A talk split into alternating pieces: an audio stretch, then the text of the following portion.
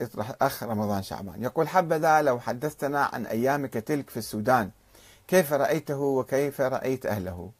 بالحقيقة باختصار أجاوب قبل ما أقرأ سؤالك أنه شعب مسالم وكريم وطيب وشعب حر يرفض الاستبداد ويرفض الطغيان ويرفض الظلم ويرفض ال... وأنا عشت ذيك الأيام أيام الانتخابات وأيام ال... قضيت فترة يعني في السودان. هو أيضا يتابع. يقول رغم أن شيوع الصوفية في السودان يجعلهم أقرب لأهل البيت.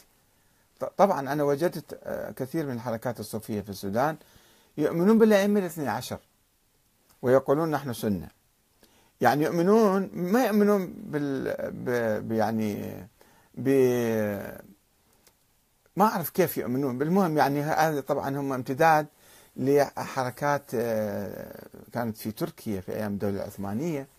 النقشبندية والانكشارية أيضا كانوا يؤمنون بالأئمة الاثنى عشر. ولكنهم يؤمنون أيضا الشيخين. لا يعادون الشيخين عمر وأبو بكر ولا يقولون باغتصاب الخلافة. يجمعون بين الصحابة وبين آل البيت. آه، فما ما هو ما هو الضلال في كلامهم يعني؟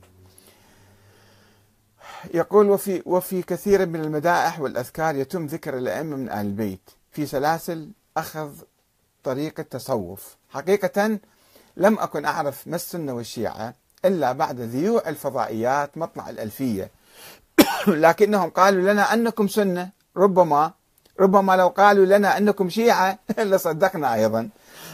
يعني هذا حسب الإعلام الموجه الموجه في هذا الموضوع.